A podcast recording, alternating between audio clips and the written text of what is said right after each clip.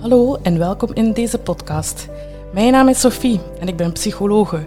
Cliënten door de jaren heen zorgen voor de inspiratie voor deze podcast. Waarom kiezen mensen voor een psycholoog? Wanneer neem je nu die stap? Wie kies je dan? En waarover praat je dan eigenlijk?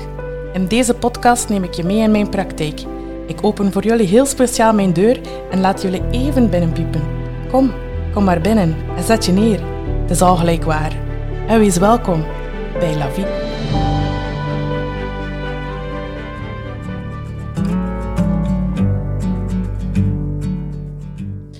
Hallo en welkom in alweer een nieuwe aflevering van Vie. Dankjewel alvast aan iedereen die reeds luisterde naar mijn eerste twee afleveringen. Een dikke merci. Vandaag wil ik het graag hebben over welk soort psycholoog ik eigenlijk juist ben. Wie reeds bij me kwam, weet dat ik graag dingen doe. Ik ben creatief en hou dan ook van creatieve of expressieve opdrachten die ik samen met de cliënt uitvoer.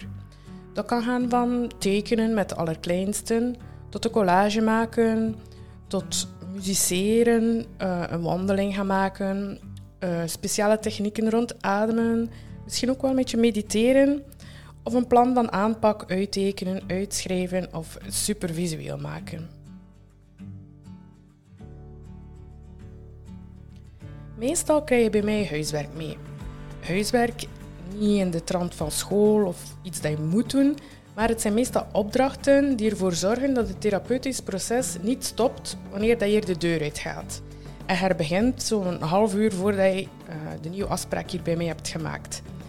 Ik geef dus een opdracht mee, of opdrachten mee, dat hangt er een beetje vanaf, zodat je kan blijven werken aan jezelf ook al ben ik er de tussentijd, is dat een maand, twee weken, drie weken, al ben ik er dan even niet bij. Tijdens mijn opleiding aan de Universiteit van Gent voelde ik mij eigenlijk steeds aangetrokken tot de gedragstherapie. Veel van mijn ideeën vinden daar dan ook hun oorsprong. Toch ervaarde ik uh, de afgelopen tijd eigenlijk een soort van tekortkoming tijdens mijn sessies, waardoor dat ik ben op zoek gegaan naar aanvullende informatie en opleidingen en die heb ik gevonden binnen de ACT-therapie.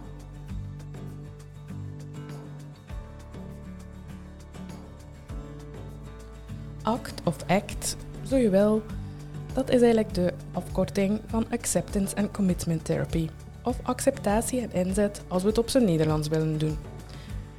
Vooral Stephen Hayes en Russ Harris zijn de allerbekendste auteurs rond de actstroming.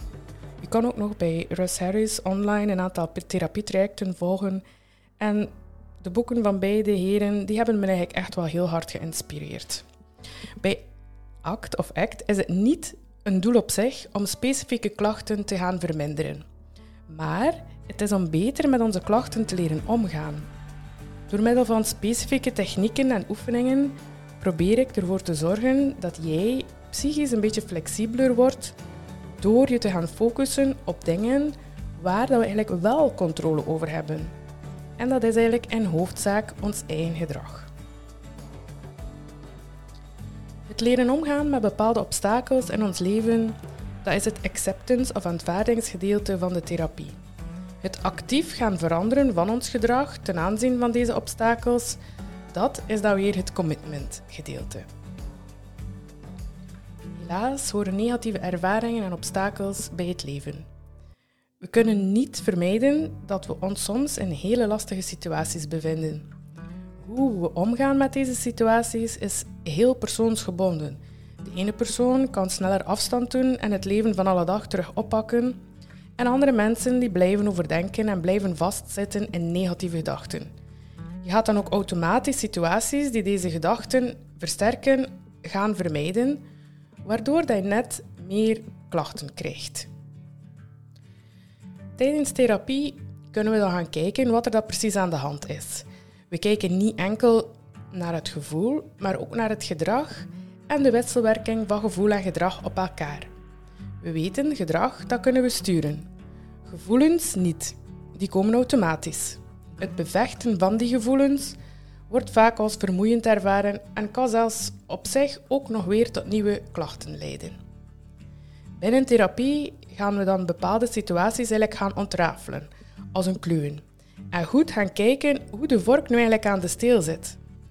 Vaak zijn we experten geworden in het verbergen en wegduwen van bepaalde destructieve patronen.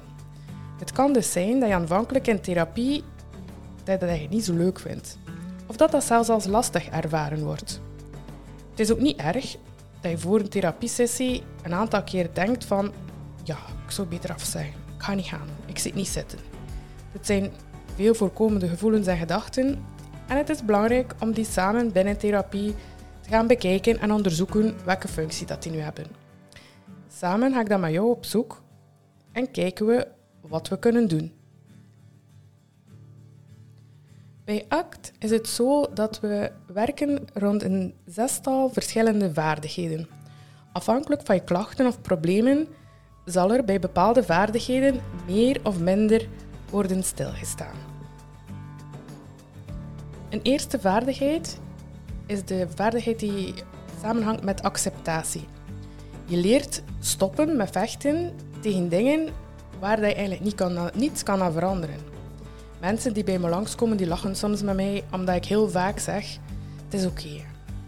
Het is een hele belangrijke en werkzame vaardigheid, volgens mij, om dit zinnetje op de juiste momenten te gaan gebruiken. Een tweede belangrijke vaardigheid binnen ACT en ook binnen mijn therapie is iets wat we diffusie noemen. Fusie, dat kennen we allemaal. Dat is iets dat samensmelt. Binnen ACT gaat die samensmelting over wie je bent met wat je denkt. We zien bij heel veel psychologische problemen dat mensen samenvallen met hun gedachten. Je bent eigenlijk als het ware wat je denkt. Als voorbeeld denk ik bijvoorbeeld, mm, mensen denken dat ze iets niet kunnen. En daardoor zijn ze een nietsnut. Binnen ACT staan we heel grondig stil bij diffusie. We gaan onze gedachten loskoppelen van ons zijn en we gaan die gedachten eigenlijk van op een veilige afstand een keer goed gaan bekijken. En gaan zien hoe ziet die gedachte daaruit, welke functie heeft die bij mij en heb ik hem eigenlijk nodig of. Het is hier dat dan ook vaak wel mindfulness oefeningen kunnen ingezet worden. Een derde vaardigheid omvat het zelf.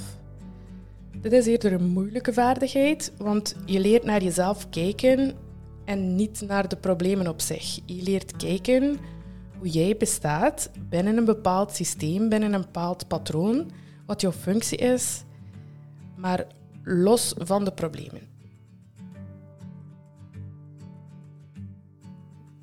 Een vierde belangrijke vaardigheid voor mij is de vaardigheid om contact te blijven houden met het hier en het nu.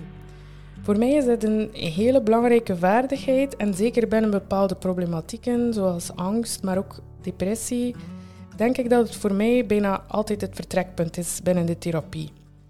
Het gaat erom over hoe we aanwezig kunnen blijven in het hier en het nu en hoe we niet kunnen afdwalen naar ons verleden en daar vastraken in van alles wat dat er dan gebeurd is en we het anders ging kunnen aangepakt hebben en wie wat dan gezegd heeft en zo. Maar evenzeer los van het verleden gaat het ook over toekomst en over allerlei soorten doemverhalen die worden gecreëerd in ons hoofd, waardoor we niet meer kunnen stilstaan bij het hier en het nu. En meestal krijg je dan in sessie 1 eigenlijk van mij al een oefening voorgeschoteld. En meestal is dat de vijf oefening. Die kan naar gelang de leeftijd en de vaardigheden van de cliënt andere vormen aannemen. Maar ik denk, als er mensen zijn die luisteren, die bij mij komen, dat deze vijf zintuigen oefeningen en het hameren op de vijf zintuigen, dat het wel herkenbaar is.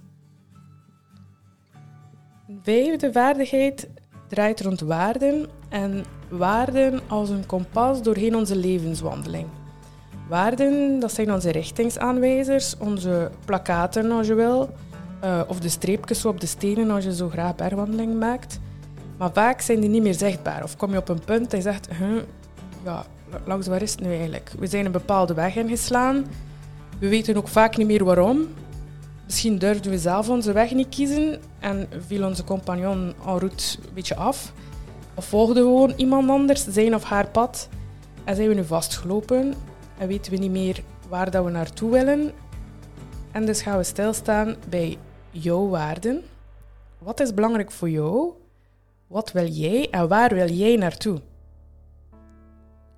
En dat brengt ons dan ook naadloos bij de zesde belangrijke vaardigheid en dat is die van toegewijd handelen. Wanneer je weet wat je wil, met wie je dat wil en waarom, dan kunnen we onze doelen eigenlijk gaan bepalen. En dit doen we wel heel specifiek. Dus niet zomaar, ja, tegen dan een keer uh, zou ik graag uh, dat of dat. Nee, we gaan dat in een super concreet doel gaan gieten en stap voor stap uitwerken hoe dat we dat kunnen bereiken. We nemen ook uitgebreid tijd voor evaluatie van dat doel. En misschien moeten we eigenlijk onderweg onze doelen wel een beetje gaan bijsturen. Misschien was ons doel te ambitieus of net niet ambitieus genoeg. Dat hangt een beetje af van situatie tot situatie. Voilà, dit zijn dus een beetje de belangrijkste steunpilaren van mijn therapie. En ik denk dat dat heel herkenbaar is voor een aantal mensen die bij mij in de praktijk langskomen. En ik weet niet, misschien zijn er ondertussen bij jullie een aantal mensen die super nieuwsgierig geworden zijn en denken, ja, dat actgedoe, misschien is dat wel iets voor mij. Moest je in dat geval zijn, aarzel dan niet om mij eens op te bellen of een mailtje te sturen en dan kunnen we misschien een keer een eerste gesprek inplannen.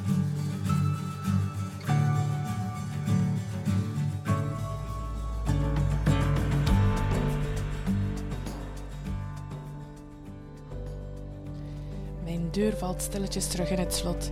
Dat betekent dat we aan het einde gekomen zijn van deze podcast. Zorg voor jullie zelf en graag hoor ik jullie de volgende keer opnieuw voor een nieuwe portie. Davie! Bye.